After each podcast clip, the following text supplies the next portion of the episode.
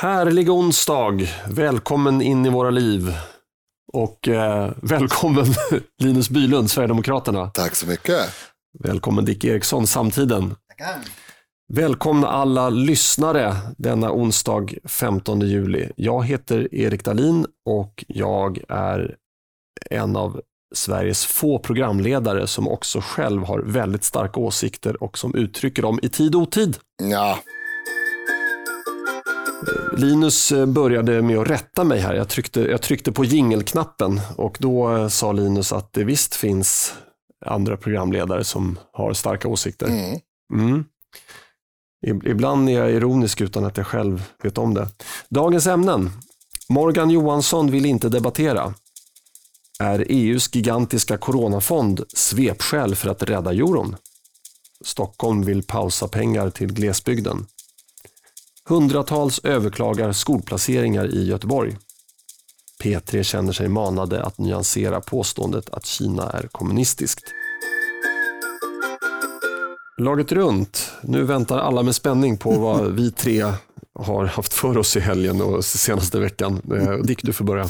Ja, just det. Jag skulle kunna haft klibbiga händer och lite, eh, fortfarande lite öm. Jag har nämligen eh, eh, börjat rensa mina rhododendronbuskar på landet. Jag vet inte om ni har det. Jo då. Eh, Det, det, när, det blir väldigt vackert när, när, när blommorna blommar, men sen blir det jäkligt skräpigt när de blir bruna. Och, så jag tänkte jag skulle plocka bort dem, men det, det är, jag har en insektsinvasion med bin och humlor som surrar eh, och, och de är på de här blommorna även om de är ur, urvissnade. Det är ju väldigt klibbigt, så jag vet inte om de kan slicka i sig det där på något sätt. Men jag tänkte jag kör ändå, men det, det visade sig att jag fick en, en, en humla i, i tummen här som stack mig. Eh, och tänkte, men eh, jag borde ju hört det, men, men då såg jag sen att till och med humlor griper tag kring den här urvissnade blomman och sitter där i flera minuter. Mhm.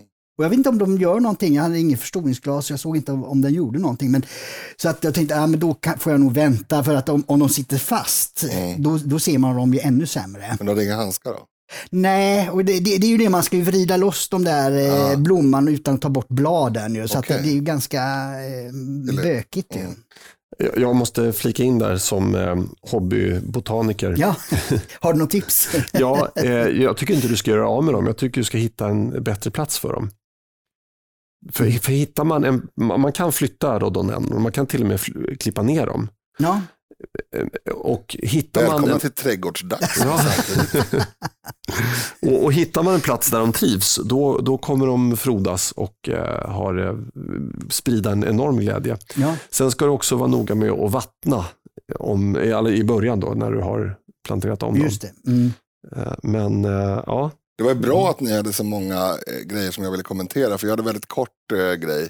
Ehm, men men jag, jag kan då säga till angående rhododendron att ehm, ehm, jag såg en rhododendron förra sommaren eh, hos några grannar till, eh, till min svärmor. Som var helt brutalt stor. Alltså det var ett träd. Just det. Mm. Det var, Mm. det var, det, alltså den busken var säkert ja, närmare fyra meter på sin högsta punkt så att säga. Och det var som man kunde gå in under. Alltså, Mm. Jag har aldrig sett en sån stor rhododendron förut. Det var lite häftigt.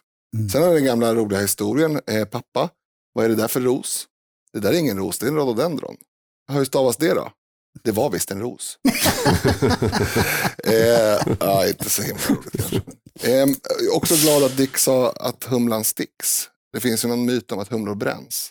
Men det gör de alltså inte, de sticks.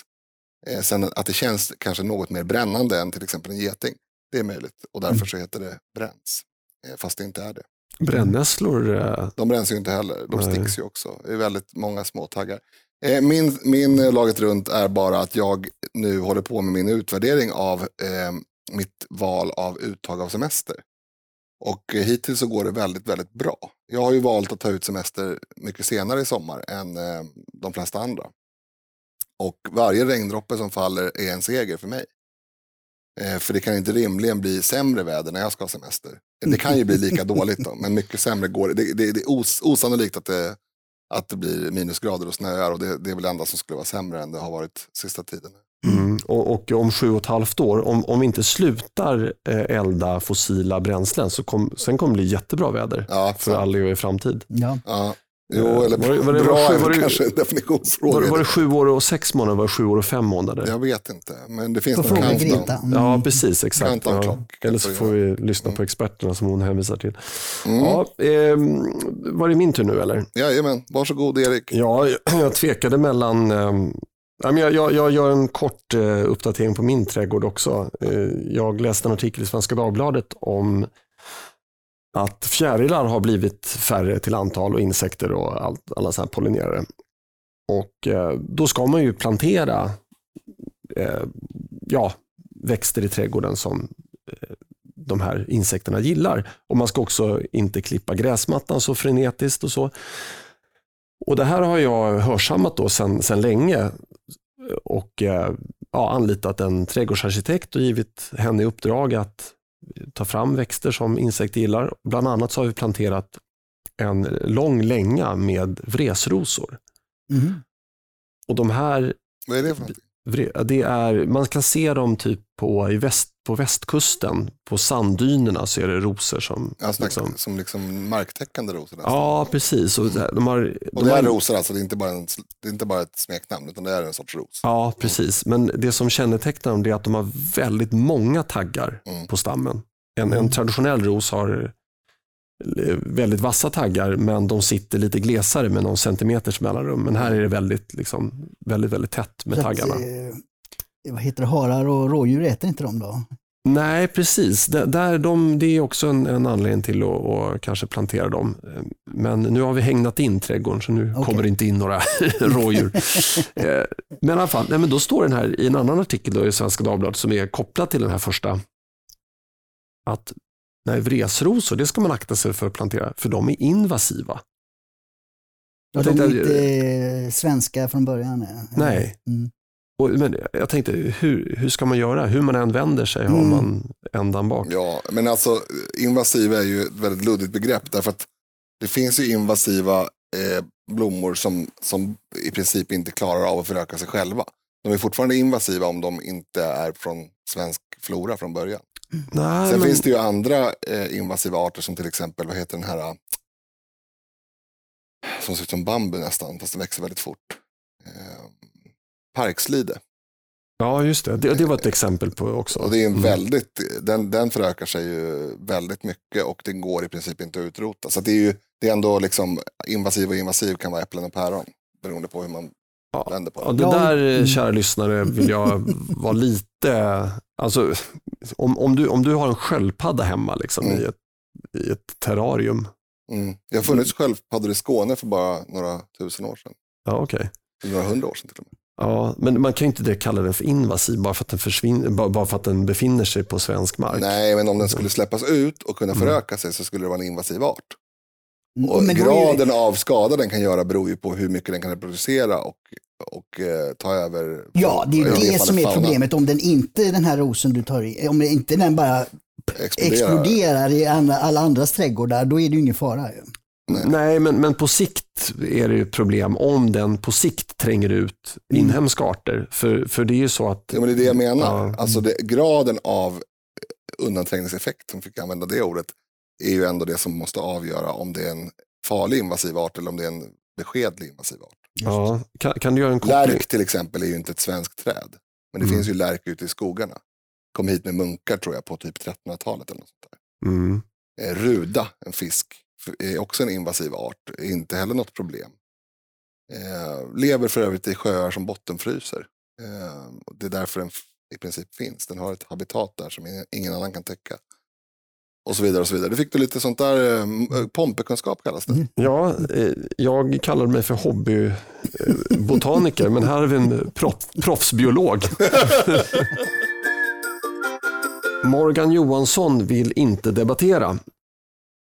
Ni som lyssnar känner förmodligen till den här historien, men för att rekapitulera lite kort då, så var han inbjuden till SVT Morgonstudio och blev först informerad om att han skulle debattera mot Ulf Kristersson.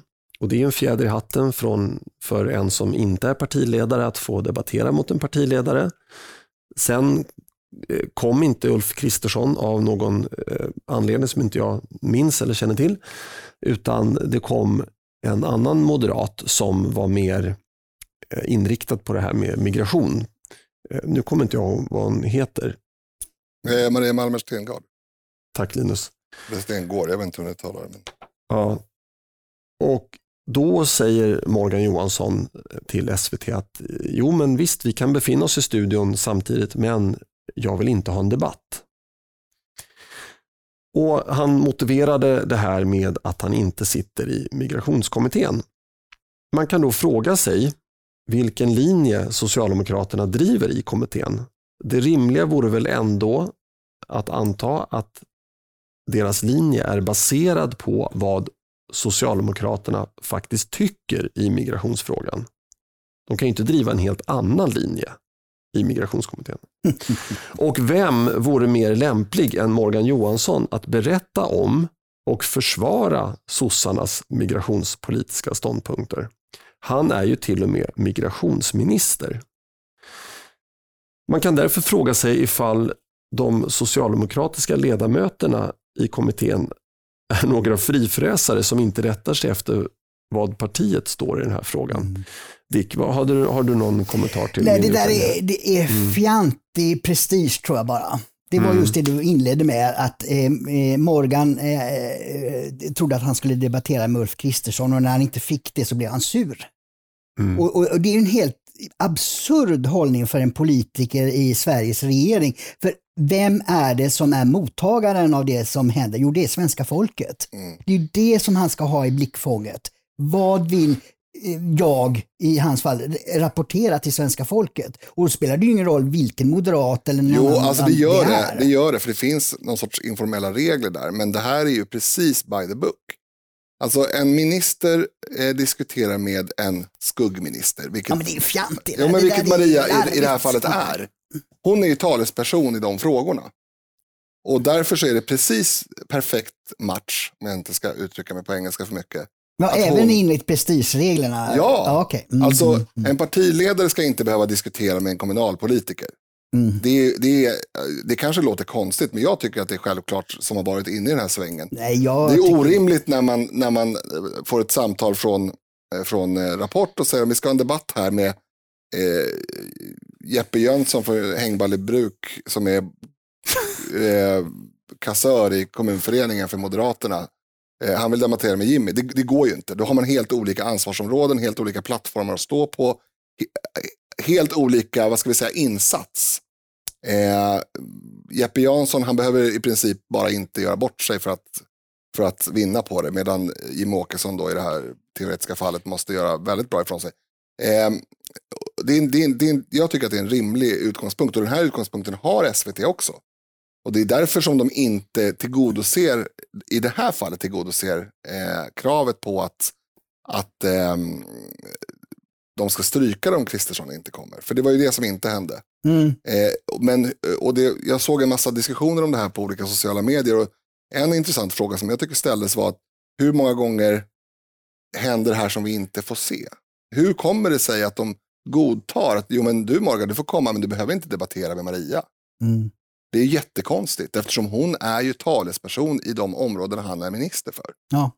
Jo, men jag, eh, precis, så det stämmer även med prestigereglerna ja. så att säga, så att han bröt mot dem också. Men, men jag tycker i grunden inte, inte, utan det viktiga är ju vad ämnet är och att det är folk som har eh, någon input i det ämnet som ska tas upp. Jo, det är det som är det men viktiga. Då, då får ju, kan ju sossarna få skicka någon, om det inte är samma nivå, mm. om det är eh, en eh, ledamot i kommunfullmäktige i, i Hängballebruk, mm. ja då kan ju sossarna få skicka någon motsvarande då, menar jag.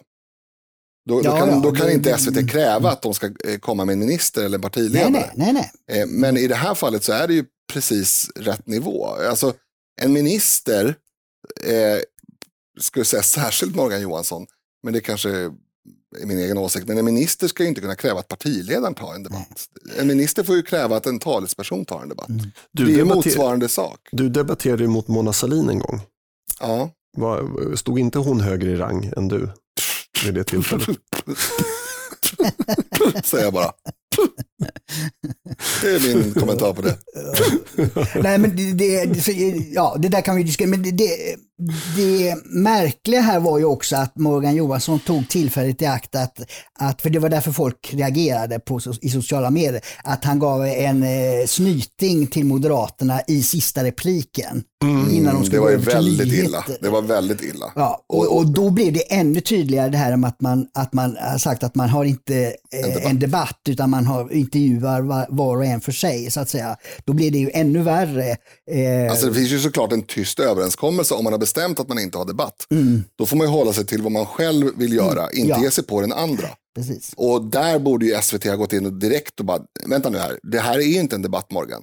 Så ta inte upp saker Jo, som... men det var ju typ det de sa. Mm. ja, Så fast inte så ja, tydligt nu, är de- ju, nu står ju, Mar- heter hon Maria? Ja. Ja. nu står ju Maria här men kan inte försvara sig. Alltså, det blir så här, det blir, Otroligt absurt. Jo, precis. Jo, det, nej, men det blir så i direktsändning. Jag har varit med om det själv. Liksom, att, att, eh, det, det, någon, i det fallet var det Anders Lindberg, gick till, eh, på Aftonbladet då, gi- gick till våldsam eh, attack då. Och så skulle jag svara, ah, nu måste vi gå till nyheten. Ja. Det blir ju så i direktsändningar. Det, Jo, fast det, då är det ju en annan sak. Då var det tidspress. Ja, Och det är ju ja men det var det här också. jag kollade det. Han sa det när det var väldigt lite tid Ja, okej. kvar. men, men det var ju fortfarande överenskommelsen var att de inte skulle debattera. Nej, precis. att- Så, det, precis. Så fortfarande är det så. Morgan Johansson, socialdemokrat, manipulerade SVT. Ja. Och jag tycker SVT ska lära sig av det. Man kan inte lita på socialdemokrater. Vi kan ju vara glada den här gången att det kom fram. För, för det här har ju inte varit någon vinstaffär för Socialdemokraterna Mm. direkt. Det har ju gjorts narr av, av Morgan Johansson i, i hela helgen. Mm. Eh, åtminstone. Mm. Eh, och och med, med, med rätta. Men hur många gånger är det vi inte får se sånt här? Hur många gånger säger de nej men okej Morgan, då, då ska du inte du behöva komma in då. Eh, eller ja, då ställer vi in debatten för Kristersson kan inte komma. Men, men, men det här är lite, lite symptomatiskt för hela migrationsdebatten sedan ja, flera decennier tillbaka. Att eh, man vågar inte riktigt ta skägget från munnen. Nej. Eller bladet från munnen. Nej, men det kan också vara en anledning till att Morgan Johansson reagerade på det sättet. Mm. Att, eh, som du också var inne på Erik, det är att, att eh, sossarna i migrationskommittén har ju försökt att förhandla med Moderaterna. Och, och medan Morgan Johansson sitter i en regering med Miljöpartiet. Mm. Så där, där finns en slitning så att säga som sossarna har försökt att och eh, parera genom att säga just det att migrationskommittén förhandlar för sig och regeringen är, är ett annat beslutsorgan. Men kunde han inte sagt det då? Ja, precis. Har- jo, jag tycker ni- det ja. presti, lägg prestigen åt sidan. Det är folket som är mottagare av budskapen och då är politikernas roll att förklara vad de håller på med. Ja, precis. Han kunde sagt så här. Jag är socialdemokrat och jag är den som är mest insatt i migrationsfrågor eftersom jag också är migrationsminister. Mm. Det, jag vet, det finns, ja, jag inte säga uttryckligen, men, men folk vet ju om det här. Mm. Det finns ingen, ingen socialdemokrat som är bättre insatt i de här frågorna. Och då kunde han sagt så här, så här tycker Socialdemokraterna i de här frågorna. Mm. Ja. Det här har vi kommit överens om och den här politiken vi står för. Men i migrationskommittén så håller vi på med en förhandling. Och den har inte jag liksom daglig insyn i. Mm. Exakt. Ja. Mm. Ja, Ja, precis. Ja. Om Politikerna man nu vill- Mm. utgår ifrån att folk är dumma i huvudet och det retar mig något otroligt. Liksom. Ja, och sen utgår de ifrån att även om det nu skulle vara så, så är det orimligt att kommunicera till väljarna att ja, jag är minister i det här området, men det är en annan person som sitter i migrationskommittén, så därför kan inte jag ens kommentera det här. Alltså det blir ju jättemärkligt. Mm. Är EUs gigantiska coronafond svepskäl för att rädda euron? Kan det ligga en gravad hund i det här Dick? Ja, nej, men det, det eh, var faktiskt en väldigt bra debattartikel här eh, den senaste veckan utav eh, socialdemokraten Leif Pragotsky som har ju varit närings och handelsminister. Där han pekar på problemen med det här EU håller på med nu. Man har pratat om 7000 miljarder kronor i, i en, en fond som det då heter ska vara till för att eh, hjälpa till länder som har drabbats av corona i den officiella eh, bilden. Medan han avslöjar att det handlar inte om corona utan det handlar om att rädda euron. Och nu ska man se till att också länder som inte är med i euron, som Sverige, är med och betalar. Det är därför man kallar det coronastöd. Och han är, han är jävligt duktig i, i den där artikeln på att vara konkret. För han säger det att fördelningen av pengar eh, är inte kopplade till, corona. För han visar det då att länder som i södra eh, Europa då, som har problem på grund av euron, de ska få mycket pengar. Medan länder som Belgien som ju har drabbats hårt av corona, en av de högsta dödstalen per miljon i världen, de ska betala. Så det mm. finns ingen koppling till corona. Han visar också att eh, eh, ett coronastöd nu då, eh, eftersom näringslivet eh, har gått i botten med turistindustrin och sådär, så det krävs ju snabba insatser nu, den här sommaren. Men så som den här fonden är uppbyggd så handlar det inte om några snabba pengar. Alltså är det inte heller en coronastöd. Nej. Han visar också, eh, säger också emot dem, eh, de här EU, EU-fanatikerna i Sverige som säger att ja, men det är väl bra om de i södra Europa får, får pengar så att de kan handla, eh, så att vi kan exportera till dem. Då visar Leif Pagrotsky, nej, de här länderna handlar mindre från Sverige än de länder som ska betala, det vill säga Tyskland. Så pengarna istället för att gå till Tyskland till Sverige export av svenska varor så går det från Tyskland till södra Europa i bidrag, vilket då missgynnar Sverige. Han tar också upp att eh, sådana här fördelningar av pengar eh, och det är det som jag är mest emot, i sådana här fonder, det göder korruption. Mm. Och eh, Han pekar på att de här regionalstöden som EU har hållit på med länge nu, eh, där är upp till 22 procent av BNP handlar det om korruption i Europa. Och här skulle man ju göra det till en enorm brasa med korruption, de här pengarna. Och av den anledningen borde man inte heller eh, stödja det här. Så han vill ju att Sverige ska lägga in sitt veto mot eh, den här fonden. Mm. Och det håller jag verkligen med om. Ja, för en gångs skull. Det var ju tur att han var sosse, annars hade han ju blivit nazist, fascist, rasiststämplad. Ja, exakt. Ja, mm. eh, Linus, hade ja, du någon... Nej, jag håller med. Alltså, mm. eh, Pagrotsky har ju från och till varit ganska nykter i framförallt sådana här frågor. Eh, och jag tror att det är bra att prata om de här sakerna på ett lite övergripande plan. Att vad är skillnaden mellan en coronasatsning och en, en satsning för att rädda en, eh, en sjuklig, eh, säga, en union på dödsbädden? Mm. För det är ju det det handlar om. Mm. Va, va, va, hur ska man se skillnaden? Hur ska medborgarna, medborgarna se skillnaden? Om, om vi ska vara lite konkreta, för Pagrotsky menade att det var en räddningsaktion för euron. Ja. Mm. Eh, men i princip då det du antyder här Linus, det är att kollapsar euron mm. så kanske hela EU kollapsar eller? Ja, eller euron som jag säger är ju då mm. ryggraden i, i eh, samarbetet. Det är ju så man har tänkt att lyfta en union till en, en överstatlig union, till en, en fullt ut eh, eh, Europas förenta stater. Eh, jämförbar med Amerikas förenta stater. Eh, och det, det är bara ett sådant exempel är att Sverige har ju ännu inte något permanent undantag. Utan vi har ju ett, vi har ju ett undantag från euron men det, det är fortfarande inte i, vår, i våra så att säga, avtalspapper står att vi ska införa det. Ja, juridiskt så är vi bundna att införa euron. Ja. ja. Eh, så att euron är ju en, en, en ryggrad.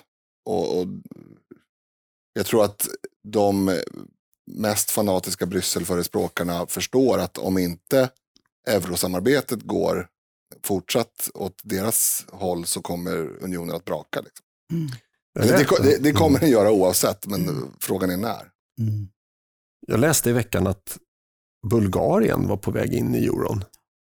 Ja, de är inte kloka någonstans. Alltså östländerna har inte varit så svåra att få med på, den där, eh, på det där tåget eftersom de inte har varit de har inte varit så att säga den som eh, lägger pengar i hatten. Nej, de får pengar. Ja. Mm. Ja, Dagens Industri då, tre dagar sedan. Kroatien och Bulgarien redo att ta steg mot euron. Mm. mm.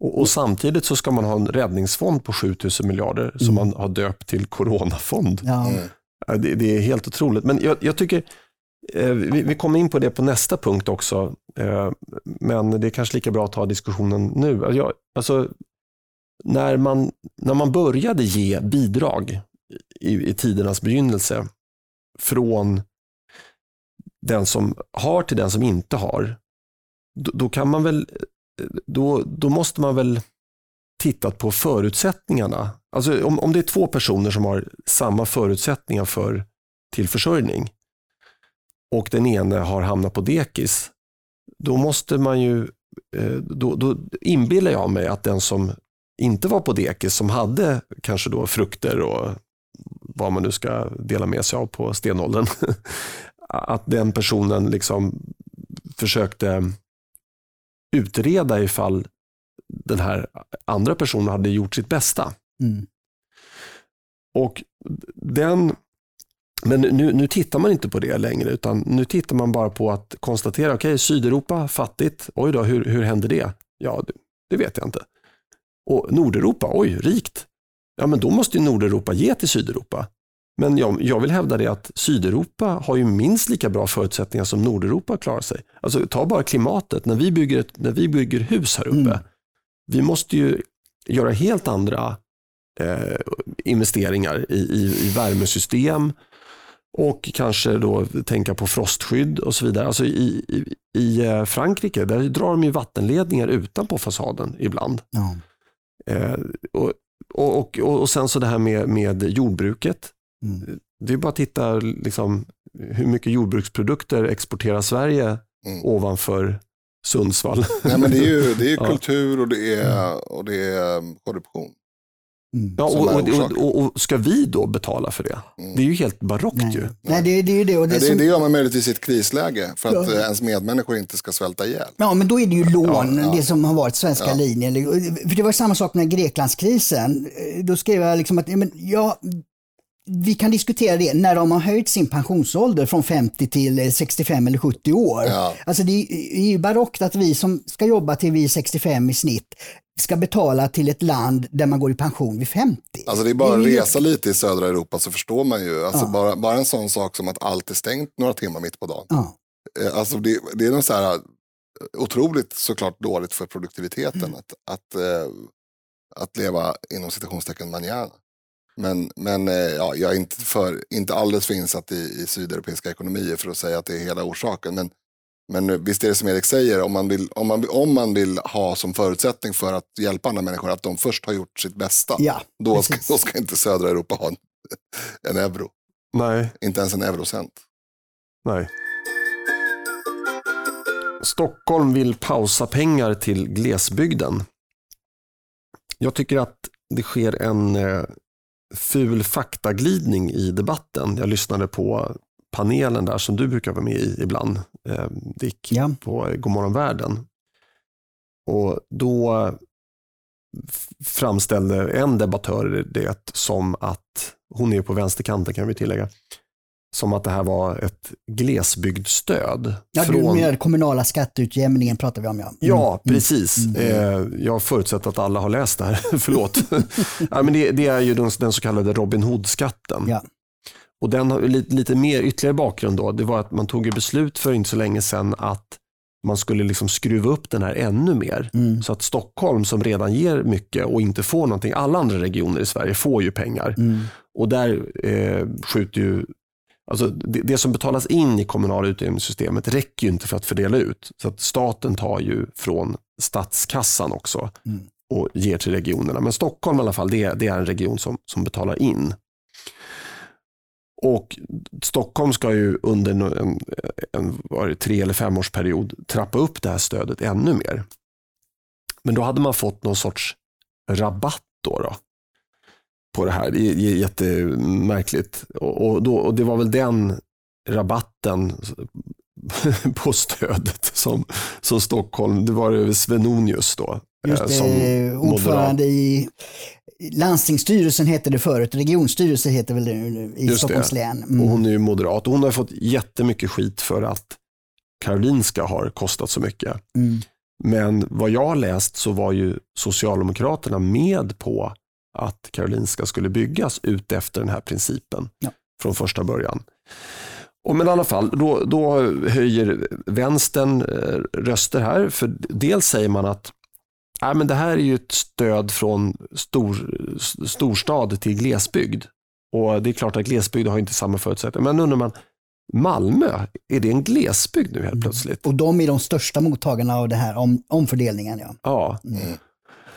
Och jag tycker, eh, som en parallell till, till förra punkten, så undrar jag, på vilket sätt har Region Skåne sämre förutsättningar än Region Stockholm att lyckas? Alltså Malmö, om, om det var två företag som startades parallellt i Skåne och Stockholm, Skåne har ju närmare till Europamarknaden. Mm. Man har lägre transportkostnader för export. Eh, det är ju dessutom en region där, som är bördig. I alla fall tycker jag anser att det är bördigare än, än Mälardalen, även om Mälardalen också är odlingsbar till skillnad från Haparanda-trakten. Men alltså på, på område efter område kan jag inte se att Stockholm egentligen har någon objektiv fördel jämfört med Skåne. Det är snarare så att Skåne skulle betala till Stockholm för att vi har en sämre eh, position kontra ja, nu tänk, Europa. Jag vet inte om du är kvar någon gång i början av liksom, seklet eller slutet av förra, eh, förra, förra seklet där jordbruk var liksom det primära. Eh, nej, men vad... Men vad det, det, så är det ju inte. Men har, vad, vad har vi här i Stockholm då som eh, vi gynnas av? Ja, vi har väldigt mycket näringsliv kopplat till både till statsapparaten men även till eh, privata sektorer. Det är huvudstaden. Vet du, Stockholm. Men, ja, men privata sektorer, vilka är det som har startat det då? Är det, är det de i Skåne alltså, som har bestämt? Jag menar att det har väldigt liten koppling till bördig jord. Det var det som var min poäng.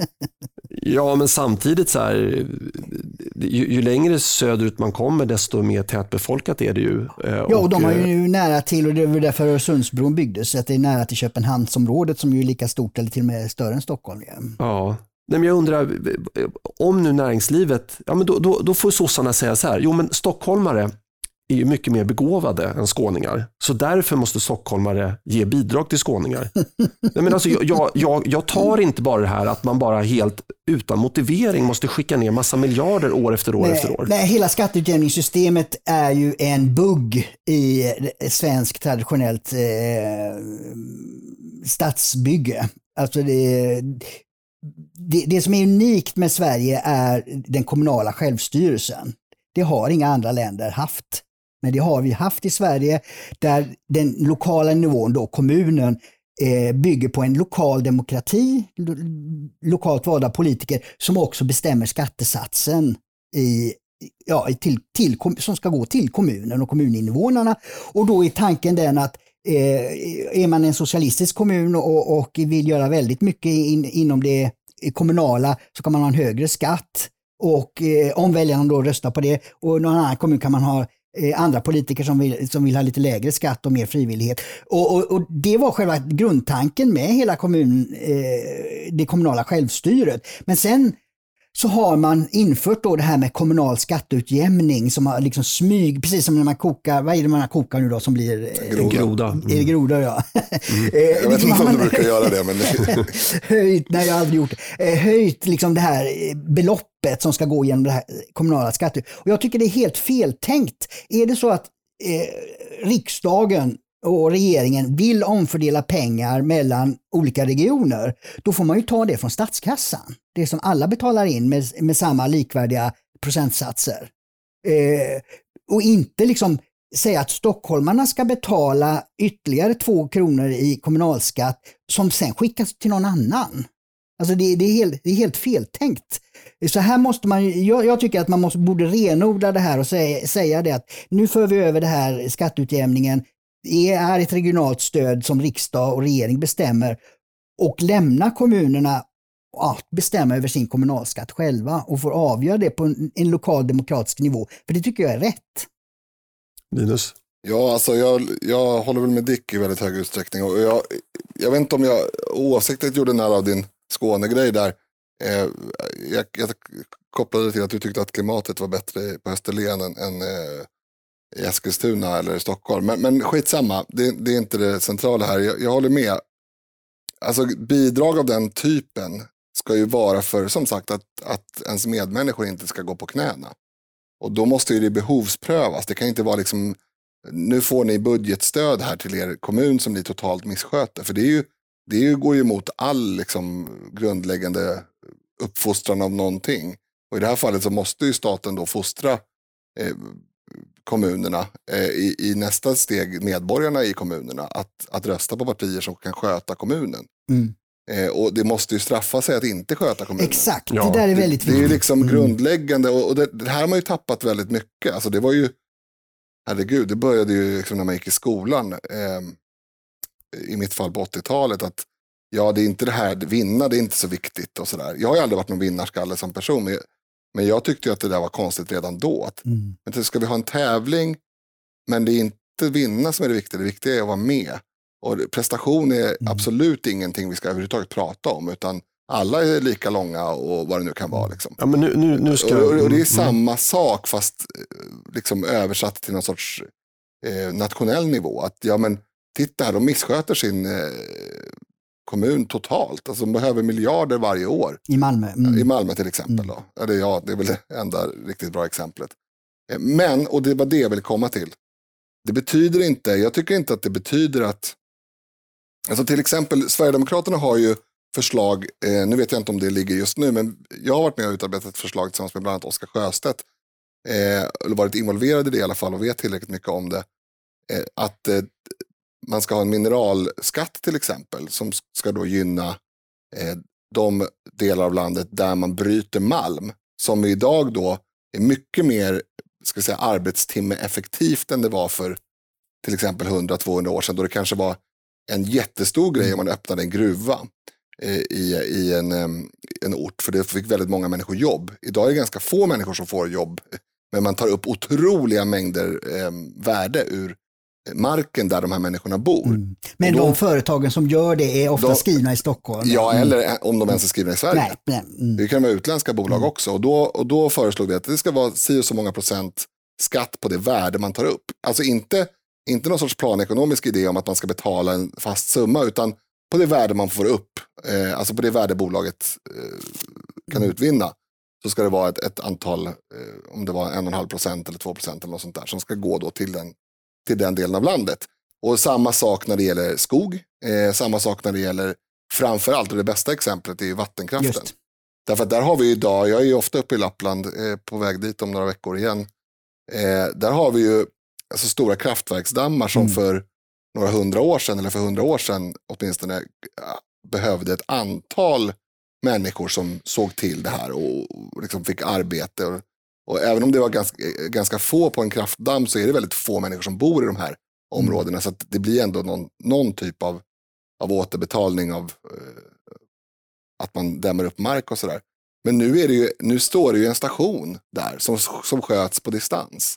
Det är väldigt lite handpåläggning i, i vattenkraften idag. Det är ju liksom en, en liten röd kur där det antagligen står några servrar och, och lite servos som kan styra olika saker. Det, det, det finns ju en viss risk för att det här blir som med eh, native americans. Eh, att de får massa pengar för att inte göra någonting och så blir de förslappade och försupna. Ja, det är möjligt. Men min poäng är i alla fall att jag, jag tycker det finns två väldigt distinkta delar i det här. Och, och Norrlandslänen och inlandet norrut, alltså, de, de har inte misskött saker på, på något sätt. De, har- de har ingen skäl att bli tillsagda så att säga. Utan eh, deras stora problem har varit att de som är födda där flyttar till Stockholm. Eh, I väldigt hög utsträckning. Och, och det är inte alls samma problem som vi ser på Malmö. Malmö har man avsiktligen överlagt totalt misskött ekonomin. Mm. Genom att eh, satsa på en massa saker som inte en kommun ska syssla med. Och betala ut pengar. Och betala ut pengar som man inte ska betala som- ut. Mm. Betala ut pengar Mm. till människor som inte ens är medborgare. Ja. Som inte ens ha- har vistelserätt i Sverige. Mm. Eh, och så vidare och så vidare. Så det är totalt liksom eh, manjana manjana. Och då, det måste straffa sig. Ja, och det, det är ju då ett kommunalt skatteutjämningssystem oerhört olämpligt att använda för att reglera det här. För att det är pengar som är beslutade av kommunfullmäktige, hur Mm. mycket kommunalskattesats man ska ha i kommunen. Så det ska inte vara inblandat i det här. Så allt det där borde vi lyfta precis upp till riksdag och regering och då kan man ha just det, råvaruskatt, det, eh, en del av energiskatten då på, på vattenkraften som kommer där och säga att det här är, är pengar som, som borde ha en regional regionalt perspektiv på. Eh, men då ska ju riksdagen avgöra detta och fördela det och, och, så att norrlänningar och, och, och eh, Malmöbor är med i den diskussionen. Men det, det får inte vara som det är nu. Ja, men jag håller med om det. Eh, En, en åtgärd, eller vad man ska säga, en, en synpunkt på det här som åtminstone klargör lite av min syn på, på det här hela Sverige ska leva-perspektivet. Det är att jag tycker att staten ska satsa, alltså vi gemensamt, alla i Sverige ska satsa på saker som underlättar att hela Sverige lever. Inte, att, inte eh, som man gör nu, att hålla, hålla dem under armarna. Det är faktiskt två helt olika saker. Och Ja. Jag kan ta några exempel. Alltså att satsa på infrastruktur så att det blir, så att det blir mer attraktivt att starta företag i olika delar av landet som, där man har en eftersatt infrastruktur idag. Det är en sån sak som jag tycker man kan göra gemensamt.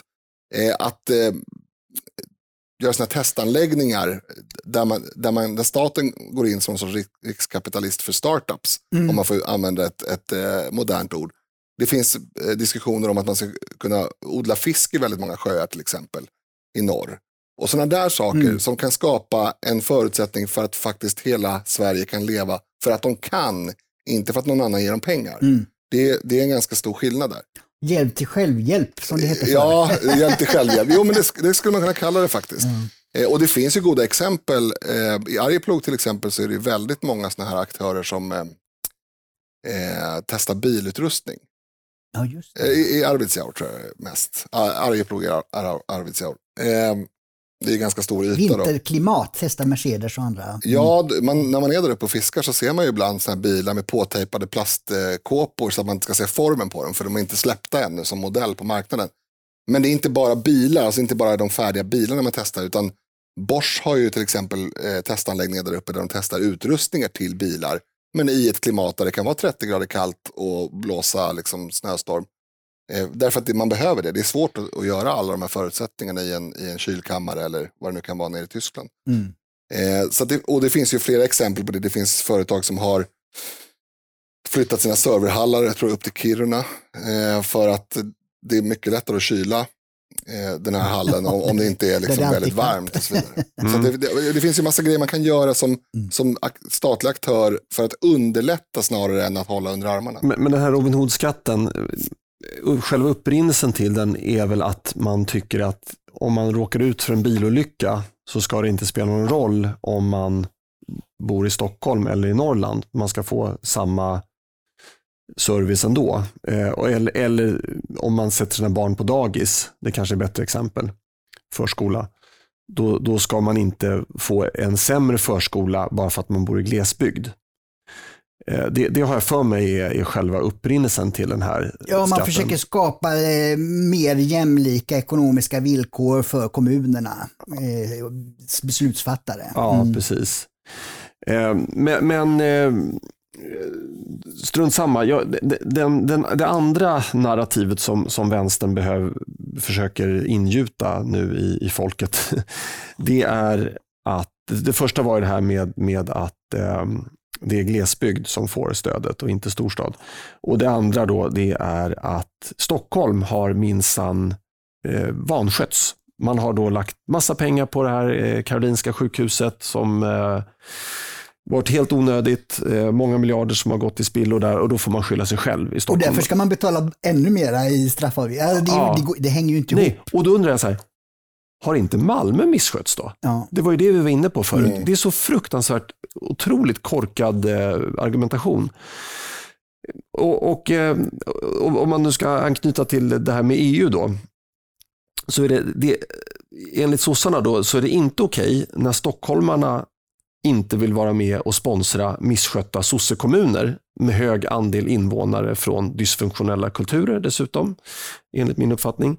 Men när sosse-Sverige är i samma situation gentemot EU så vill man inte vara med och bidra med extra miljarder. Förstå mig rätt här. Jag tycker att Sverige ska säga blankt nej till EU och det är ju också regeringslinje.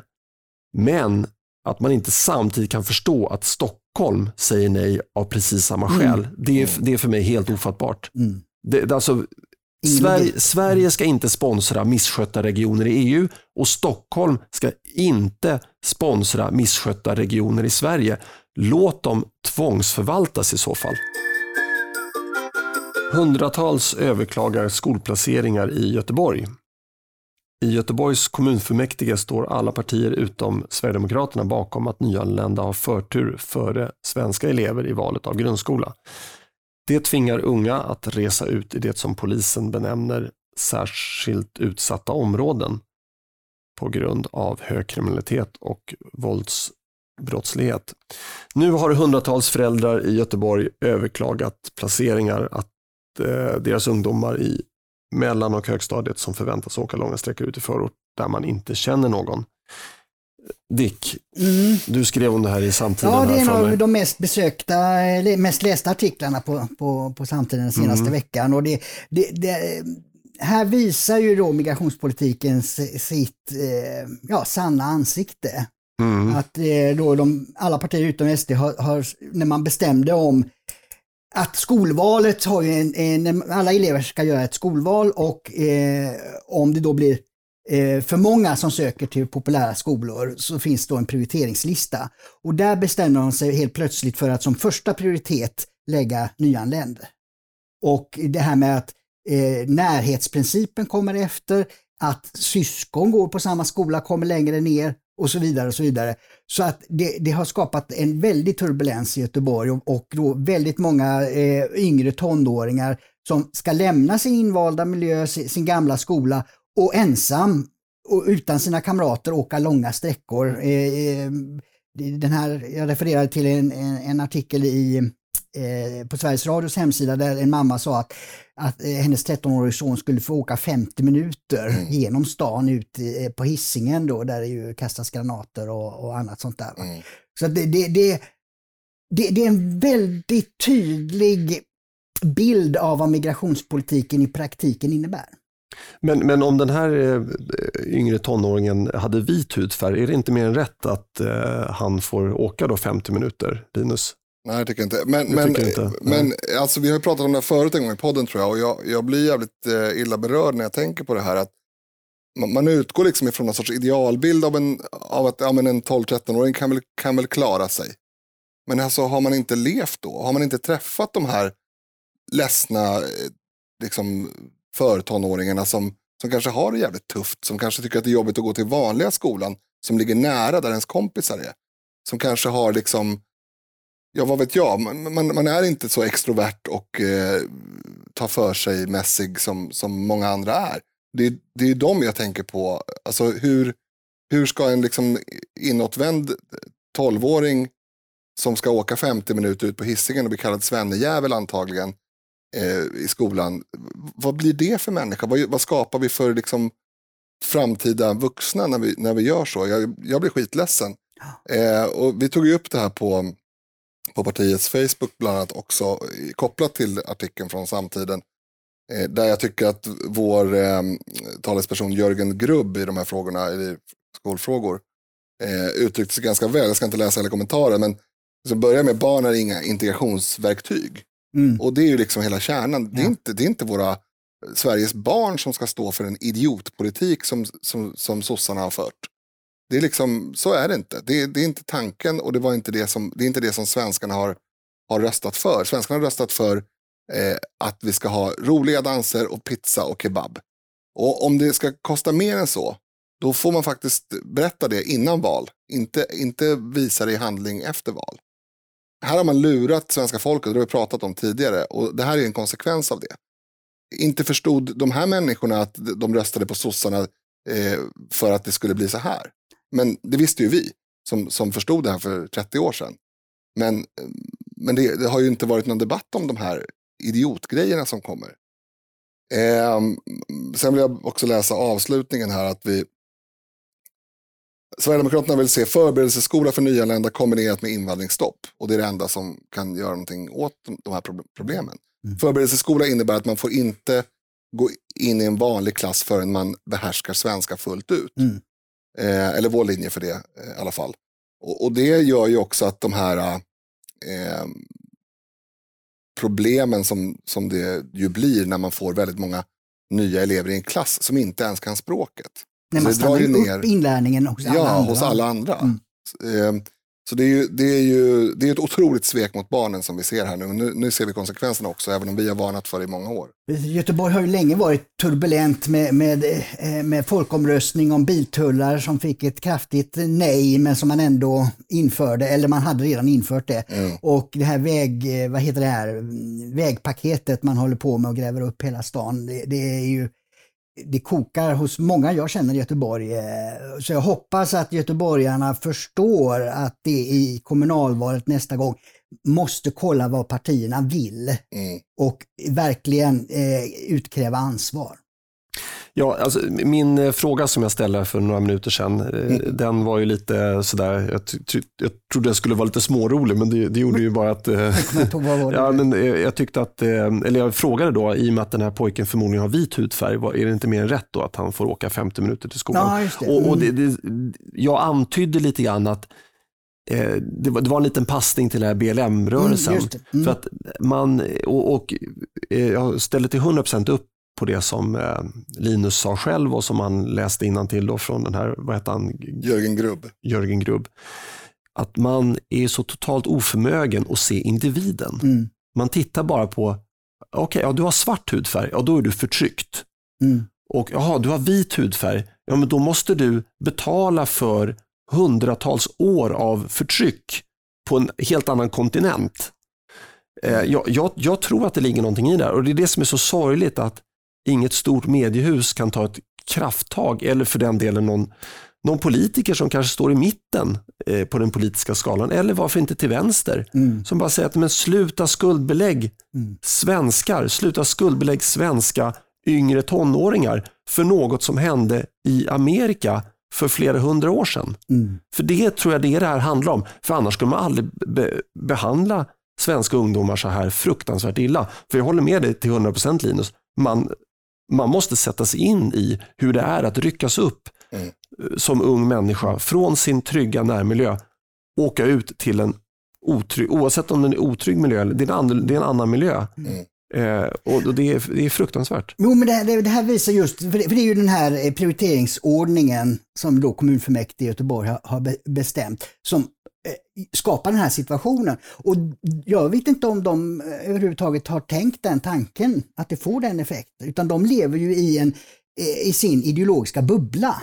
Där det godaste man kan göra är att ha så stor invandring som möjligt och då måste man hjälpa dem så mycket som möjligt. Mm. Och, och då får man putta bort de som eh, eh, barn till föräldrar som, som, som, har byggt landet. Liksom. Det, mm. det, det, det, det, är deras ideologiska bubbla och, och, och de eh, klarar inte av att spräcka den. Utan de sitter där och, och tänker i eh, teoretiska och, och, och eh, godhetsknarkande termer men, men struntar i effekterna.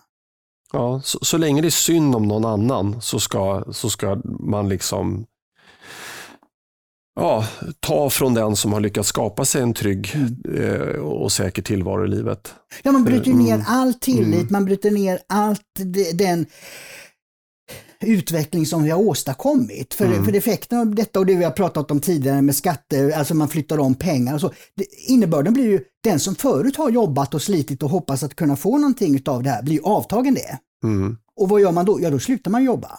Och vi mm. har ju ett storskaligt experiment som heter Sovjetunionen som mellan 1920 och eh, 89 var just ett sånt land. Och det blev misär. För ingen jobbar, ingen mm. vill göra något, för man får inget för det. Mm. Nej, men jag vet ju där, där jag bor i, i uh, utkanten av, av Saltsjöbaden, nu har jag haft, jag är inte privilegierad, men jag har haft en väldigt tur i livet. Det, så är det bara. Uh, men det finns många som inte haft tur i livet, men som kämpat något helt kopiöst i sitt liv och lyckats förvärva en bostad i Saltsjöbaden mm. i syfte att få en trygg och lugn uppväxtmiljö för sina barn. Mm. Och om man nu slår sönder det här, vad säger man då till de som bor i de här utsatta områdena? Det spelar ingen roll om du kämpar järnet. För att om du lyckas köpa dig en villa i det här lite tryggare området, vi kommer ändå bussa dina barn ja. tillbaka mm till det här utanförskapsområdet. Mm. Så du kan lika gärna fortsätta le leva ja, på men Det är därför jag tycker att din mm. hudfärgsgrej haltar väldigt mycket. Därför att det, här, det är klart att den haltar. det, det här handlar väldigt lite om hudfärg och väldigt mycket om ja, ja, vem okay. som är offer och vem som inte är offer. Mm. Ja, Okej, okay. svensk identitet då? Eller? Ja, ja precis. Mm, eller... Det spelar ingen roll om det är ett adoptivbarn som får flytta från ett eh, rimligt område till ett eh, kriminellt område till exempel. Nej, men, men eh, jag ställde ju frågan som om jag var jag företrädare för BLM-rörelsen. Nu byter vi ämne. P3 känner sig manade att nyansera påståendet att Kina är kommunistiskt. När P3 Morgonpasset tog upp Kina gjorde man ett tillägg som ändå inte är superkommunistiska måste vi ändå säga. Låt oss lyssna på det lite kort anklagats för att vara liksom alldeles för nära den kinesiska staten. Eh, Huawei själva säger ju att de är liksom ett privat företag som ägs av de anställda. Men experter pekar då på att så här, kommunistpartiet i Kina, som är liksom i princip synonymt med ja, staten. Och som de, inte är superkommunistiska måste vi ändå säga. Som inte, som inte är bara kommunistiska Nej. ska vi också säga. Eh, de liksom genomsyrar även företag. Ja, Dick, du, du har lite synpunkter på det här. Ja, det, det, det är ju så sorgligt att, att eh, man hela tiden har den här diskussionen. För det, det, är ju så att kinesiska staten styrs med järnhand av kommunistpartiet. Så det går inte att prata om någonting annat än att det är en, en, en superdiktatur. Sen är det så att de eh, eh, har sen eh, 80-talet eh, med Deng Xiaoping som tog över efter Mao Zedong eh, börjat använda marknadsekonomi som ett verktyg för kommunistpartiet när det gäller just marknadsekonomi använder man det istället för då planekonomi som ju normalt sett eh, kommunistregimer brukar använda eh, på eh, ja, marknadsplanet så att säga. Men det är fortfarande så att, att det är den kommunistiska kommunistpartiet som bestämmer och avviker man från vad de bestämmer så åker man dit. Mm, det är en sorts planekonomi fast kanske inte lika hårt Nej, planerad. Precis. och dessutom så är det väl, det, det är också så här, det är ganska osmakligt. Jag, om jag förstår det hela rätt så är det här programledaren som är, känner sig manad.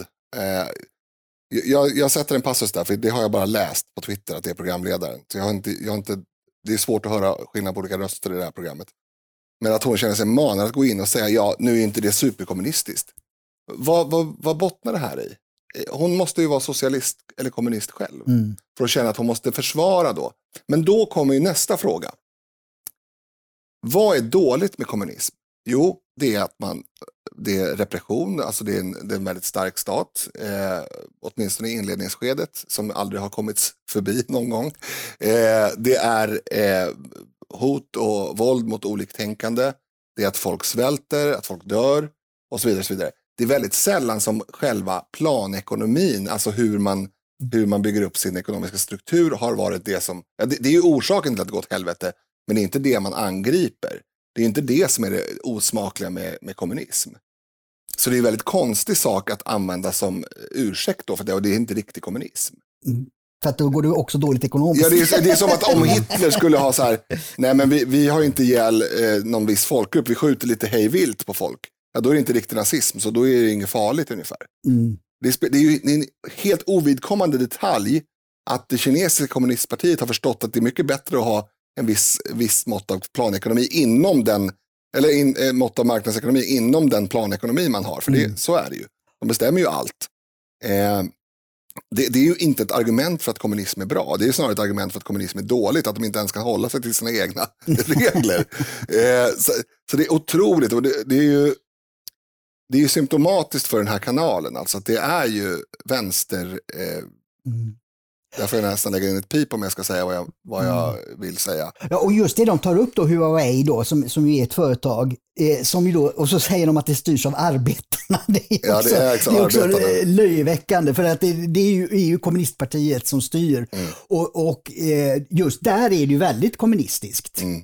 Så att, ja, he, hela synsättet som de har i, där i P3 är, är ju uppåt väggarna. Ja, men det är ju det klassiska att Kommunister tycker inte att det finns någon kommunism. De tycker inte att det har funnits någon kommunism. För att i deras eh, totalt idéburna bild av kommunism så är det ju först ett steg av, av eh, liksom maktcentrering och sen så får folket all makt. Mm. Och eftersom man aldrig har kommit dit så kan det inte vara riktig kommunism. Mm. Och, och, och själva sanningen, och det här är en sanning, det här är inte någonting man behöver liksom vara särskilt smart för att förstå. Själva sanningen är att kommunism är alldeles utmärkt på pappret om människor skulle vara eh, robotar. Mm. Det skulle gå alldeles utmärkt. För att då skulle man kunna säga att alla robotar behöver så här mycket el. Och vi distribuerar den elen till alla robotar och så gör de sitt jobb. Fine.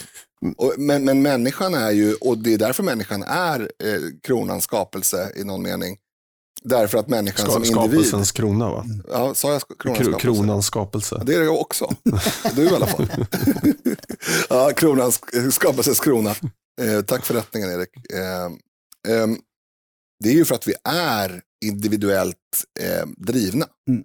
För att vi vill förverkliga oss själva, för att vi vill både i kreativa men även ekonomiska termer göra oss ett namn. Eh, och, och, det går ju stick i stäv med hela liksom, grunden. Om, om kommunism skulle fungera så skulle, det bara, så skulle det inte fungera för människor i alla fall. Nej, precis. Det, och, och, och det här menar jag, det, det menar jag, det, det är liksom inte en teoretisk idé att det är så, utan det, det behöver man inte vara särskilt gammal för att förstå. Jag förstod när jag var 15. Jag, jag tyckte att socialism och kommunism lät skitintressant när jag var 13 år. Men då satte min sossepappa mig på en stol och berättade för mig vad, vad kommunism innebär och varför det inte funkar och att det har tagit livet av många hundra miljoner mm. människor. Men, men, men vänta lite grann.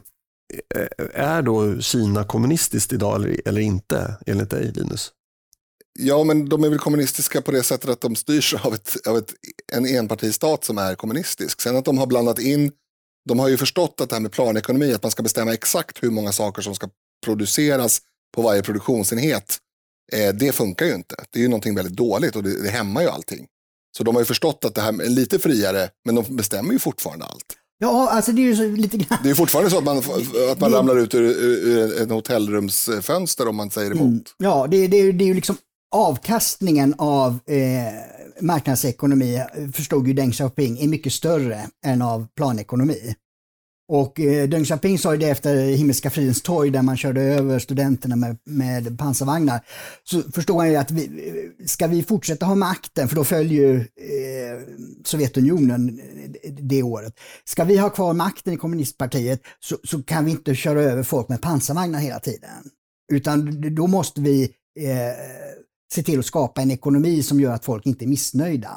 Och det kan vi inte göra med planekonomi, alltså måste vi använda marknadsekonomi. Så man använder marknadsekonomiska verktyg för att eh, skapa den, det välstånd som gör att kineserna inte vänder sig mot kommunistpartiet.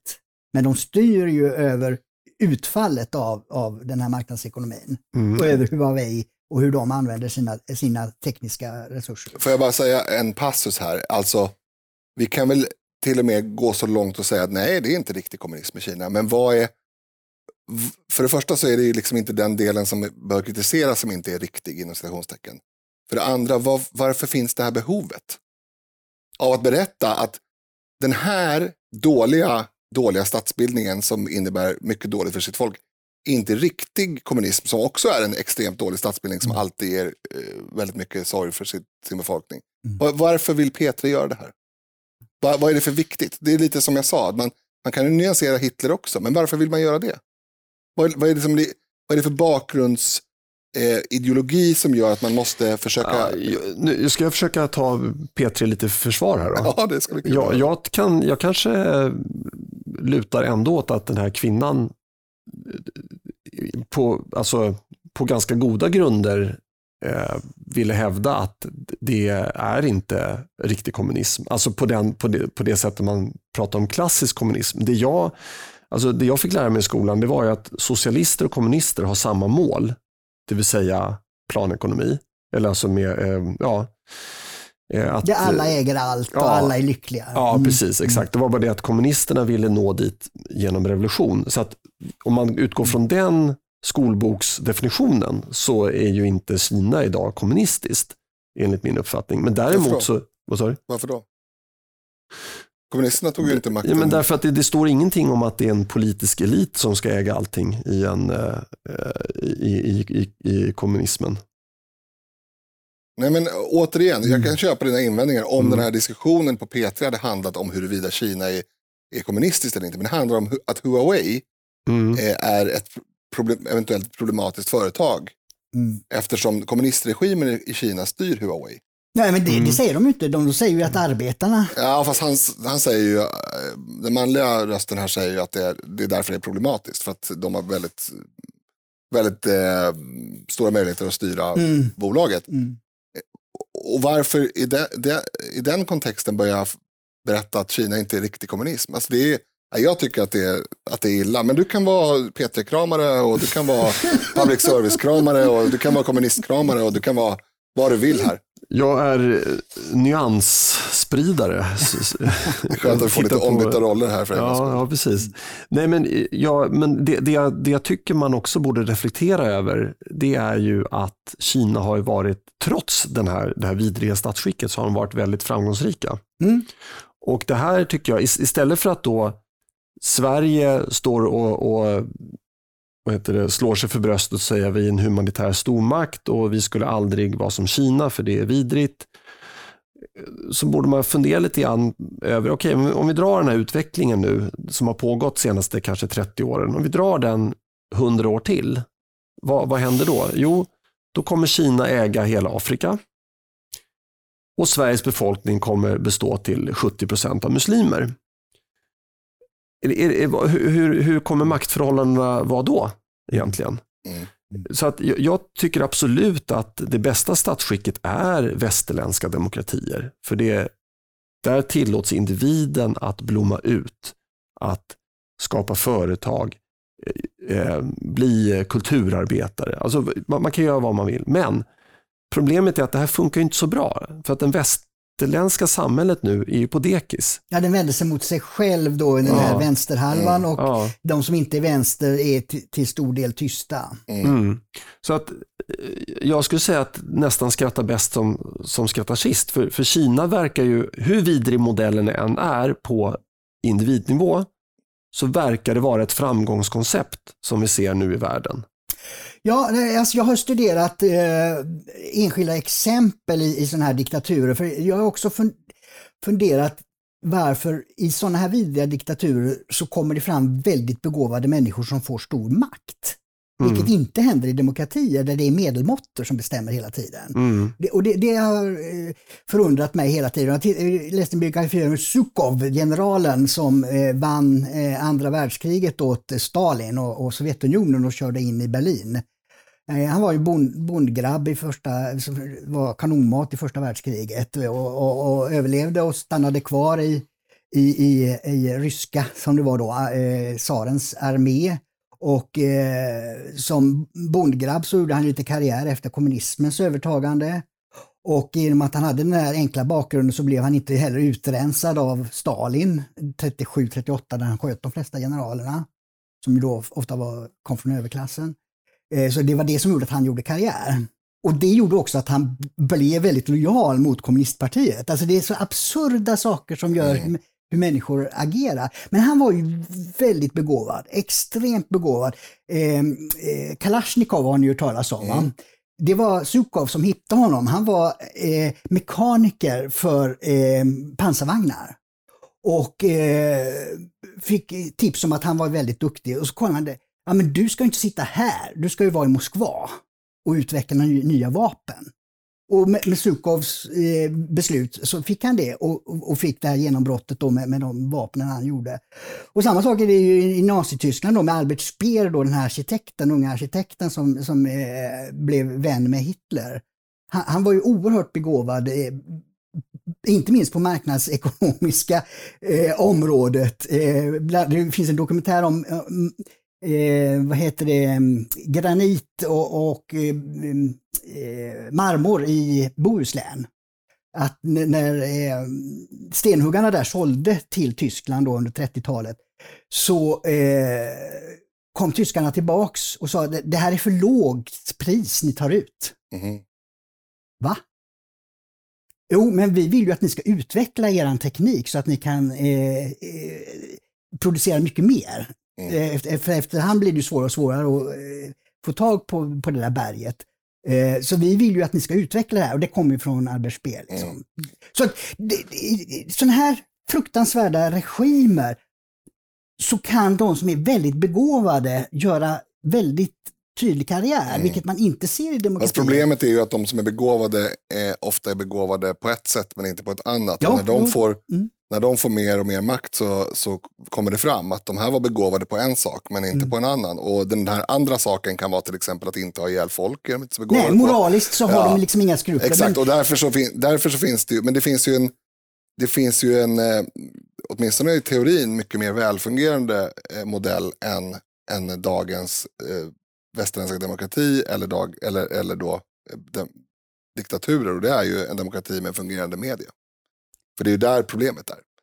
Eh, därför att media eh, berättar för folket eh, olika egenskaper hos de människor som de kan rösta på. Men de gör det inte på ett sätt som är, eh, som är folket till gagn. Utan de gör det för, sina egna vinning, för sin egen vinnings skull. Precis. Och i Ja. Sverige är det extra illa för att Sverige är ett litet land där det, inte, det finns liksom inte hundra eh, rikstäckande tidningar.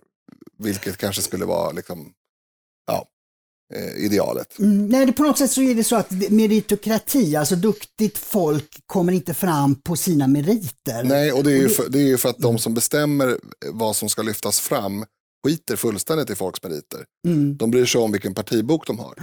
Och, och det är ju, och jag menar att det, inte, alltså det, det går inte att rätta till genom att på något sätt styra media. Men däremot så är det en kulturell fråga. Och den, då Mm. kommer vi åter till det här som ni båda lyfte, det här eh, västerländska självhatet. Mm. Men det är en återvändsgränd. Det tror jag alla förstår, att det här kommer ju vända. Det håller på att vända nu. Mm. Så västerlandet håller på att resa sig. min, min poäng var att det måste vända, Ja. An- annars så blir vi Mm. totalt omkörda. Ja, men västerlandet håller på att resa sig. Det Ja. var val i Polen i början av veckan, Mm. eh, bara som ett exempel. Alltså Presidentvalet, ja. seger för Ja, men konservativa. de, Mm. de är ju ännu inte liksom förstörda inom citationstecken på det sätt som Sverige är förstört. Nej, men titta på den politiska utvecklingen i Sverige de senaste tio åren. Det har ju gått åt rätt håll i den meningen. Ja, Alltså det, det, det är De fler, röda partierna är, har aldrig varit så små sedan demokratins genombrott Nej. som det är nu. mm. och, och liksom det är fler som engagerar sig i, i Sverigedemokraterna, Ungsvenskarna, i olika liksom, kontexter där man, där man förstår att det finns ett arv här. Det finns, vi har något att vara stolta över. För det är det som har varit eh, hela problemet. Alltså, återigen, när man gick i skolan fick man ju veta att kultur, det är jättefint och det är något som invandrare har. Mm. Punkt. Mm. Eh, men, och det är ju för att de här människorna som sa det här antagligen var dumma i huvudet och inte förstår vad kultur är. För, för det var ju såklart helt felaktigt. Men jag, jag, jag tror också att man måste, nu, nu byter jag spår här lite grann, men jag tror till 100% att du har rätt angående det här med medierna. Eh, Det är väldigt svårt att, att hitta en, en korrekt riktning framåt om medierna drar åt ett annat håll. Men också, jag tror att man måste ha ett nationellt projekt. Och, och här tycker jag att Trump har varit väldigt skicklig. Ta det här murbygget Mm. mot Mexiko. Alltså det är, hur fånigt det än är, för att man kan lika gärna ta en helikopter över eller en båt vid sidan om eller så. Eh, så är det, det, det är ett nationellt projekt att samlas kring och ett och bättre exempel är ju när han uppmanar amerikansk industri att plocka hem sin produktion. Mm.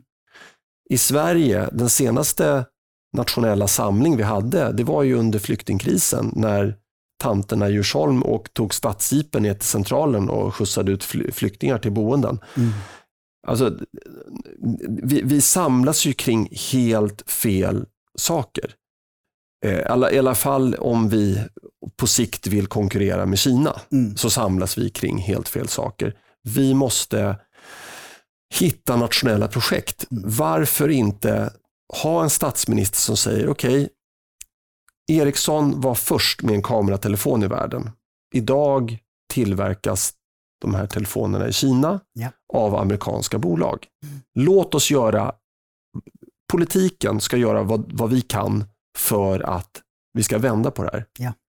Eh, och sen är det upp till marknaden att, eh, att, att förverkliga det här.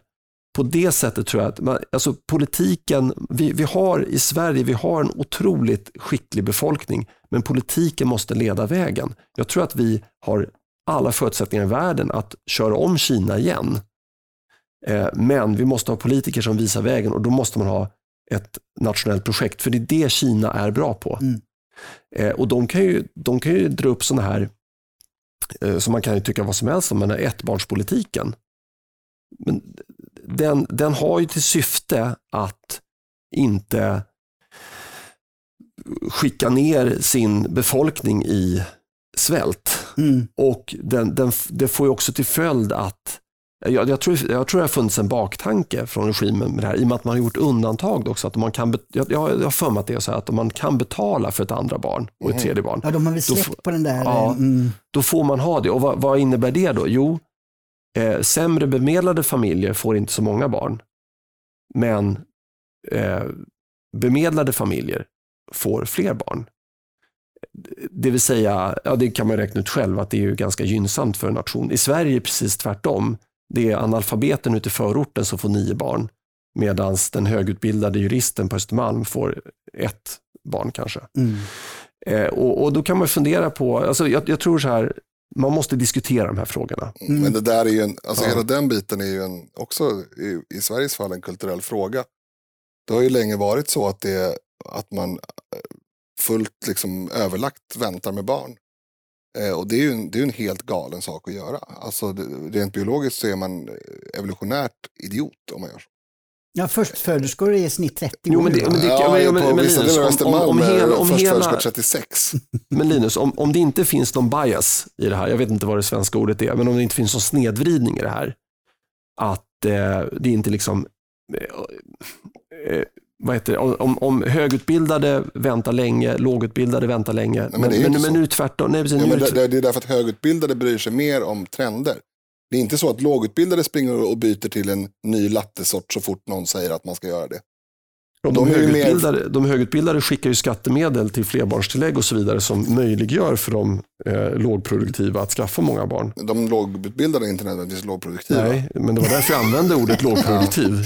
Långt Ja, det är Kina. väldigt långt från både Kina Ja, nej, och andra både, både ja och nej, men jag tycker man måste, måste lyfta de här frågorna. Ja, För att, för, ja. för Nej, gör men vi har en det, det ängslig kommer- kultur Ja. som, som gör att människor som tycker att de är så att säga inne eh, gör helt idiotiska val. Mm.